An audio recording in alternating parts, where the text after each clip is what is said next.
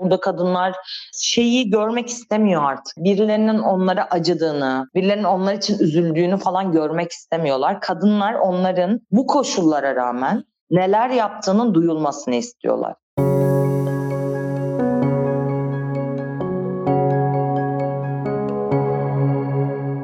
Merhaba, Maraş depremlerinin üzerinden bir yıl geçti.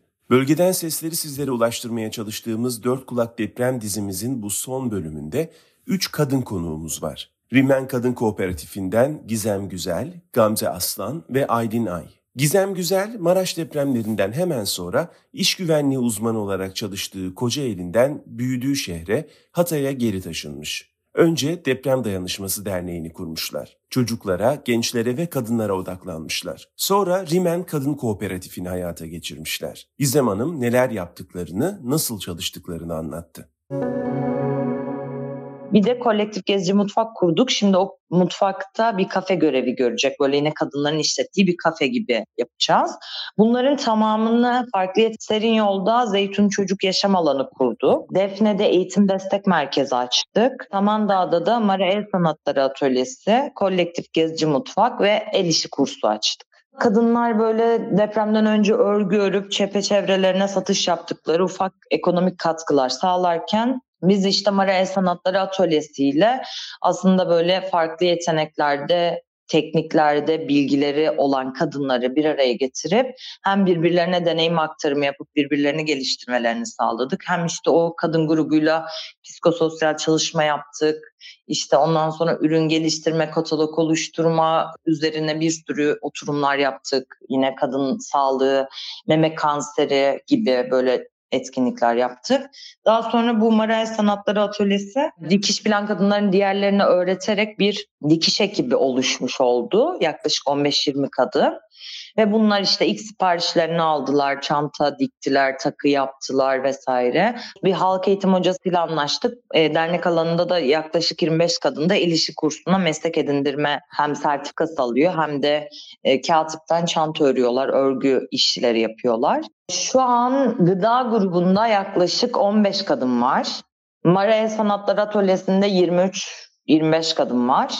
El sanatlarında da 20-25 kadın var yaklaşık bir çepeçevreyle birlikte işte dahil olan, arada gelen, işte katılmak isteyen bir yüz kadın. Siz o zaman kendi işinizi, gücünüzü bıraktınız. Kocaeli'nden evet. taşındınız. Bu faaliyetleri sürdürüyorsunuz orada. Evet, ben tersine göç yaptım. Nasıl bir organizasyon kurdunuz? Peki işler nasıl işliyor? Yani şöyle aslında biz işte hem kadın kooperatifinde hem dernekte WhatsApp gruplarımız var. E, oralardan böyle işte e, planlar kuruyoruz. Yine ayda bir toplanıyoruz. Acil durumda hızlıca böyle Zoom üzerinden bir araya geliyoruz ve kararları birlikte alıyoruz. Birlikte plan çiziyoruz. E, ondan sonra da onları uyguluyoruz. Yani bizde mesela başkanlık sadece başkan olması gerektiği için yazılan kişi. Ünlem Kadın Kooperatifinin başkanı benim ama başkanlık gibi bir mer- merci şeyimiz yok. Yani inanmıyoruz. Peki böyle 100 kişi ya da 100'den biraz daha fazla kişi nasıl karar alabiliyor? E şöyle Mara El Sanatları Atölyesi'nin kararını Mara'daki kadınlar alıyor. El işi kursundaki kadınlar el işi kursunda kendileri alıyor.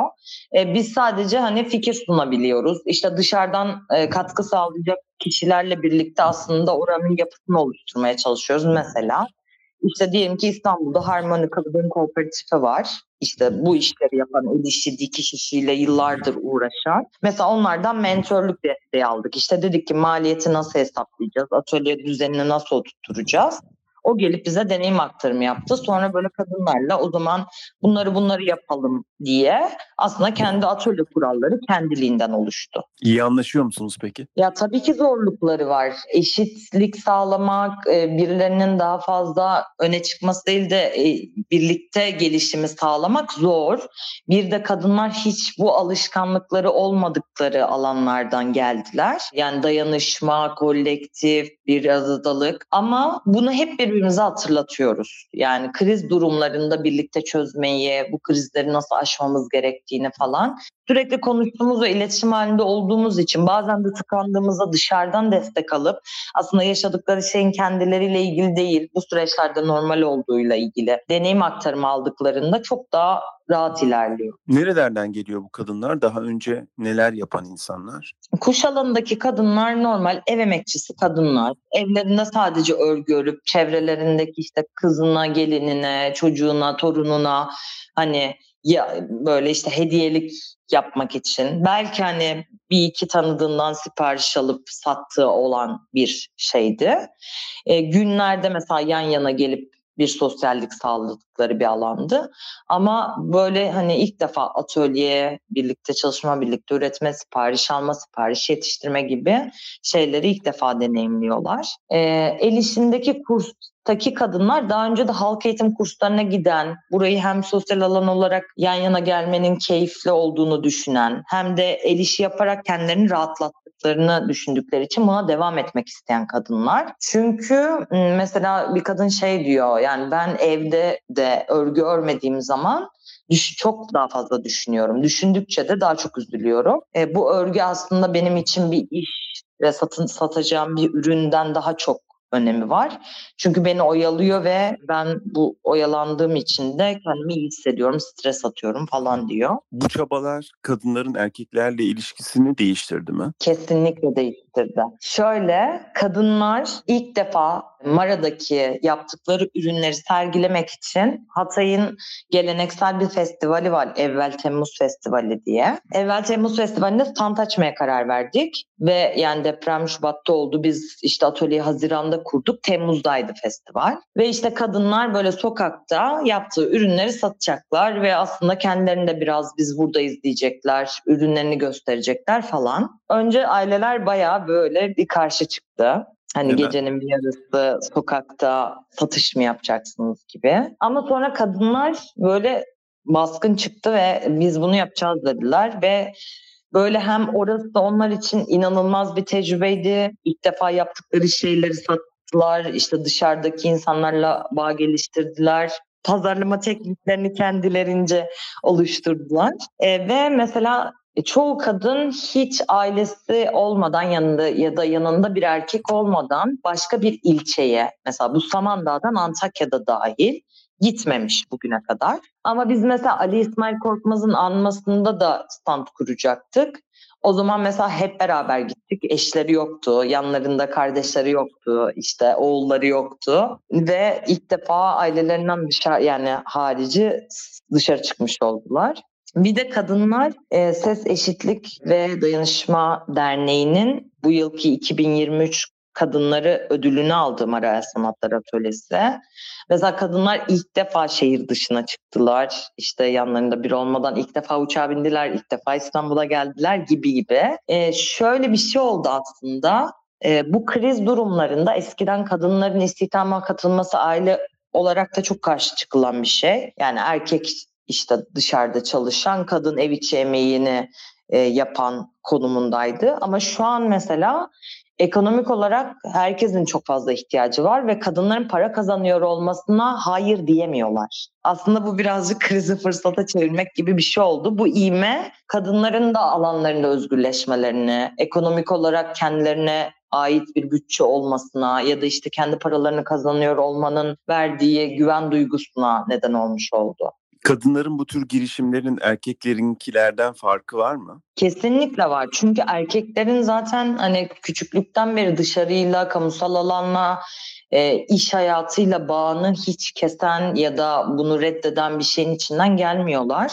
Ama kadınlar hep bu engelleri bilerek, bunu bilen bir yerde duruyorlar. Ve daha önce kadınların aslında bu tür istihdam alanlarına erişmeye denemekle ilgili de bir şeyleri yokla kabulleri yoktu. Ama şu an mesela erkekler bir şekilde ya yurt dışına giderek ya kendi mesleği varsa ona devam ederek bir şekilde iş kurmanın risklerini alabiliyorlar ama kadınlar mesela bu risklerden daha çok çekiniyorlar. Çünkü daha önce böyle tecrübeleri yok ve aslında bu o yüzden de çok kıymetli. Bunları ilk defa deneyimliyorlar. Sizinki gibi başka girişimler de var mı kadınların öncülük ettiği? Diğer başka STK'lar var. Kadın kooperatifleri biraz yeni yeni üretmeye başladı. Yani kadınların üretiyor olması birazcık daha böyle psikolojik açıdan da iyi geldiği için başka kadın grupları da yine böyle dikiş ekipleri oluşturdular. Yine işte farklı böyle dallarda çalışmalar yürütüyorlar. Bu tür çalışmalarda da paslaşıyoruz diğer kadın yapılarıyla da. Kadıköy Belediyesi mesela bizim kadın kooperatifimizden ürün almaya geldi ve başka kadın kooperatiflerinden de almak istedi ve biz işte yeni kurulan işte yine böyle kadınların depremden sonra yan yana geldiği pazar alanlarının daha az olduğu kadın kooperatiflerine yönlendirdik. Mesela onlardan satış yapmış oldular. Yani Kadıköy Belediyesi'ne satış yapmış oldular. Ya da işte hep beraber Kadın Emeği Değerlendirme Vakfı bir kadın kooperatiflerini yan yana getirdi. Sonra ortak bir WhatsApp grubu var. Mesela işte atıyorum yasal bir işler oluyor. Defter, işte genel kurul. Hep birbirimize paslaşıyoruz işte bunu böyle yapabiliriz falan diye. Ya da mesela proje çağrısı çıkıyor ya da hibe çıkıyor. Onu birbirimize paylaşıyoruz. Bazılarının proje yazma deneyimi yok. Mesela diyelim ki bize mentorluk sağlayan bir hoca var. Bize projeyi o yazdı.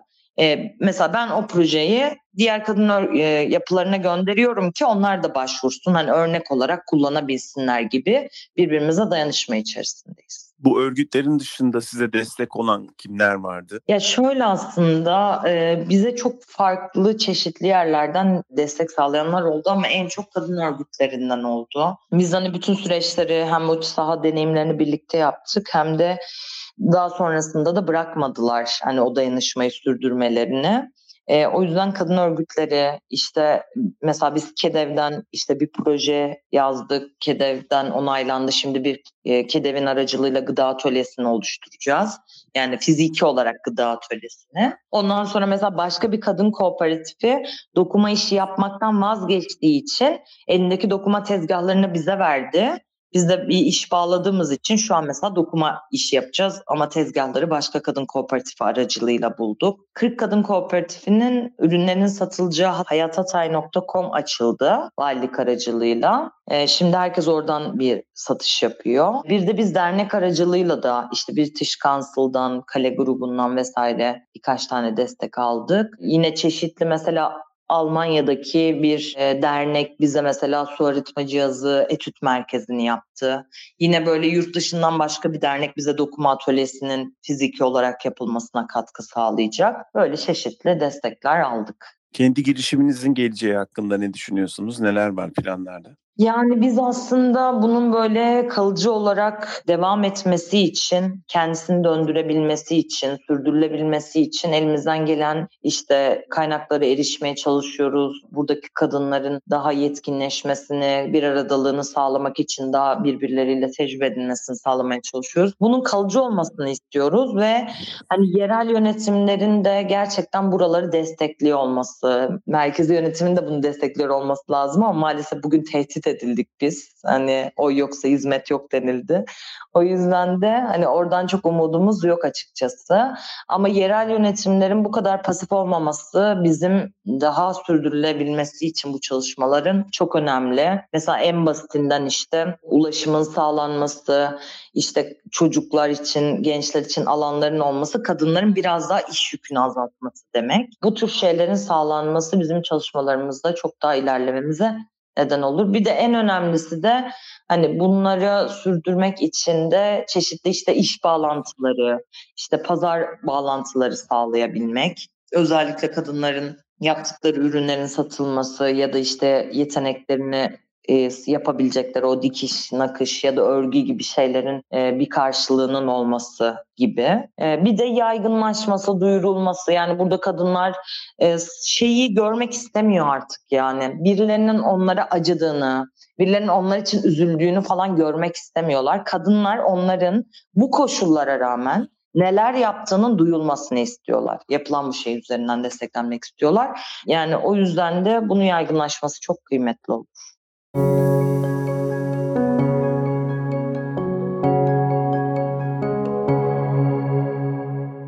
Kuaför ve güzellik uzmanı, iki çocuk annesi Gamze Aslan, Rimmen Kadın Kooperatifi çatısı altında çalışanlardan biri ve bundan çok memnun. Ancak Hatay'ın Defne ilçesinde hala temel ihtiyaçların karşılanmamasından şikayetçi. Özellikle de yaşlılar, çocuklar ve engelliler için.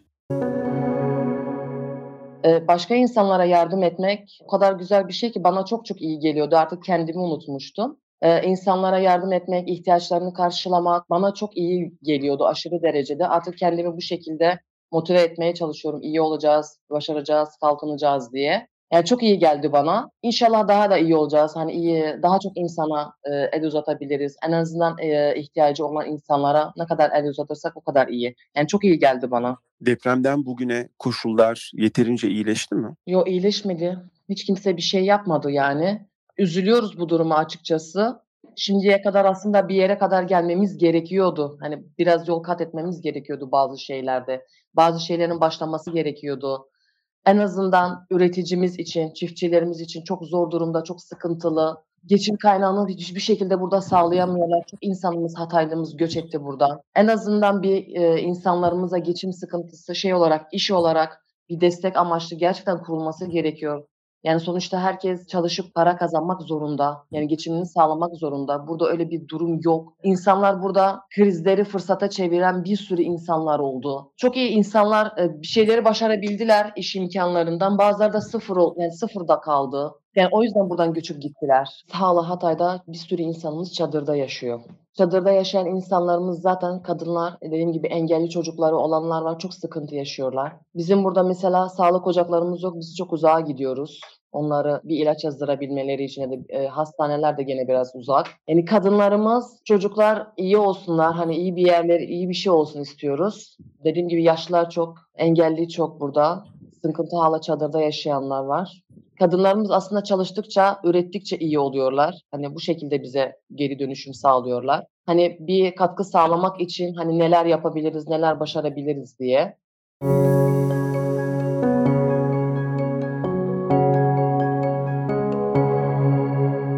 Rimen Kadın Kooperatifi'nin aktif üyelerinden Antakyalı Aylin Ay, kadınların göz ardı edilen kişisel ve kültürel ihtiyaçlarına dikkat çekti. Bu arada Antakyalı kadınların cevvalliklerinden de bahsetti. Genel olarak bu topraklarda kadın olmak çok zor. Özellikle eğer bir aileniz varsa, bakmakla yükümlü olduğunuz çocuklarınız, yaşlınız varsa zaten bütün yük deprem öncesinde de kadının üzerindeydi. Bununla birlikte depremle birlikte bu yük belki 20 katına 30 katına çıkmış oldu çok uzunca bir süre ki hala e, olmakla birlikte zaten ilk 6 ay e, çadırlarda geçirildi. E, çadırın bakımından e, orada bir yeniden e, yoktan hayat e, var etme yükümlülüğü kadınların üzerine düştü. Çocukların işte dediğim gibi bakmakla yükümlü olduğu başka birileri varsa onların bakımı daha da zor bir noktaya ulaştı. Daha sonra kademeli olarak konteynerlara geçiş yapıldı ama orada da durum çok farklı değil. Özellikle değişen hava koşulları ve kış şartları sebebiyle kadınlar kendi özellikle bireysel ihtiyaçları noktasında bu hem psikososyal olabilir hem fiziki ihtiyaçlar olabilir. E, hep bir ötelenen e, noktada durmak zorunda kaldılar. Yani akut dönemde dahil olmak üzere şu anda bile bir kadınla bir temas kurduğunuz zaman o kendisiyle ilgili çok bir şeyden bahsetmiyor. Ya çocuğunun bir ihtiyacı var ya o bakılmakla yükümlü olduğu birinin ihtiyacı var ya kaldığı alanın bir şeye ihtiyacı var. Ama sen nasılsın sorusu ya da benim bir şeye ihtiyacım var mı sorusunu buradaki kadınların kendine sorması bir lüks durumunda şu anda. Ben size sorayım nasılsınız? İyi değiliz. ee, iyi değiliz ama dayanışarak çünkü yani depremin başından beri şunu gördük. Burada hem yerel hem de merkezi otoritelerin bir her anlamda eksikliğini, e, yokluğunu e, çok fazla boş bıraktıkları e, alanlar olduğunu e, gördük ve bunun acısını çok belki büyük bedeller ödeyerek yaşamaya devam ediyoruz. İyi değiliz e, ama dayanışarak iyi olmanın yollarını arıyoruz. Yeniden bir hayat kurabilmenin yollarını arıyoruz. Bu birazcık belki dışarıdaki deprem bölgelerine gelmemiş bu podcast'i dinleyecek e, insanlar için dışarıdan belki şöyle görünüyor olabilir. Evet biz evlerimizi kaybettik, en sevdiklerimizi kaybettik, şehrimizi kaybettik. çocukluğumuzun, bütün köklerimizin burada var olduğu köklerimizi belki kaybettik. Ama bu bunun yani yeniden hayat kurmadan kasıt sadece şu değil. İşte bir bina inşaatı, başınızı sokabileceğiniz bir evin inşası değil. Bizim tek talebimiz bu değil. Tabii ki barınma sorununun en en kısa zamanda çok acil bir şekilde çözülmesi mutlak, çok acil bir ihtiyaç. Bunu zaten sürekli dile getiriyoruz, talep ediyoruz yetkililerden. Ama bu tek başına yeterli değil. Yaraların sarılması için, yeniden bir hayat kurulması için sadece bina inşaatı yeterli değil. Buradaki yaşayan Antakya çok özel bir şehir, çok kadim bir şehir. Kültürüyle, yaşayan kültürüyle çok özel bir şehir. E, dolayısıyla biz yaşayan kültürümüzü de kaybetmek istemiyoruz ve böyle bir riskle karşı karşıya olduğumuzun da farkındayız. Dolayısıyla biz yeniden yaşamı kurmanın yollarını ararken, yeniden inşa süreci derken buradan lütfen bir sadece beton talebi deniyormuş gibi algılanmamasını, e, böyle aksettirilmemesini e, naçizane talep ediyorum. Peki kadın olmanın avantajlarını yaşadınız mı depremlerden hemen sonra ve bugüne kadar? Yani avantaj belki şu olabilir. Özellikle bizim bulunduğumuz bölge Antakya için şunu söylemek mümkün. Antakya kadınları çok e, cevvaldir. E, çünkü buradaki kadınların büyük çoğunlukta eşleri yurt dışında e, çalışır. E, özellikle e, Orta Doğu'ya burada çok iş imkanları deprem öncesinde de zaten çok gelişmiş durumda değildi. Dolayısıyla ekseriyette eşler yurt dışındadır. Burada mesela Antakya e, şaşırtıcı bir şekilde kadın araba kullanma oranının çok yüksek olduğu bir şehirdir. Çünkü işi yanında değildir. E, kadın kendisi araba kullanmayı öğrenmek durumunda kalmıştır. Çocuklarını okula götürmek durumunda kalmıştır. E, dolayısıyla Antakya kadını çok cevval bu noktada. Bu bir avantaj olarak bize geri döndü. Çok hızlı ne yapabiliriz, böyle duramayız ve bir şeyler yapmak zorundayız cümlesini çok hızlı bir şekilde bütün e, yaşadığı acılara rağmen kurmayı başardı buradaki kadınlar. Bu dayanışmayı örmek gerektiğini, ilmek ilmek örmek gerektiğinin de çok hızlı farkına vardı ve sürekli bir araya gelmenin, birlikte bir şeyler yapmanın yollarını aradı. Dolayısıyla herhalde bizim yani kadın olmanın avantajını zannediyorum ki burada gördük diye düşünüyorum. Çok teşekkürler.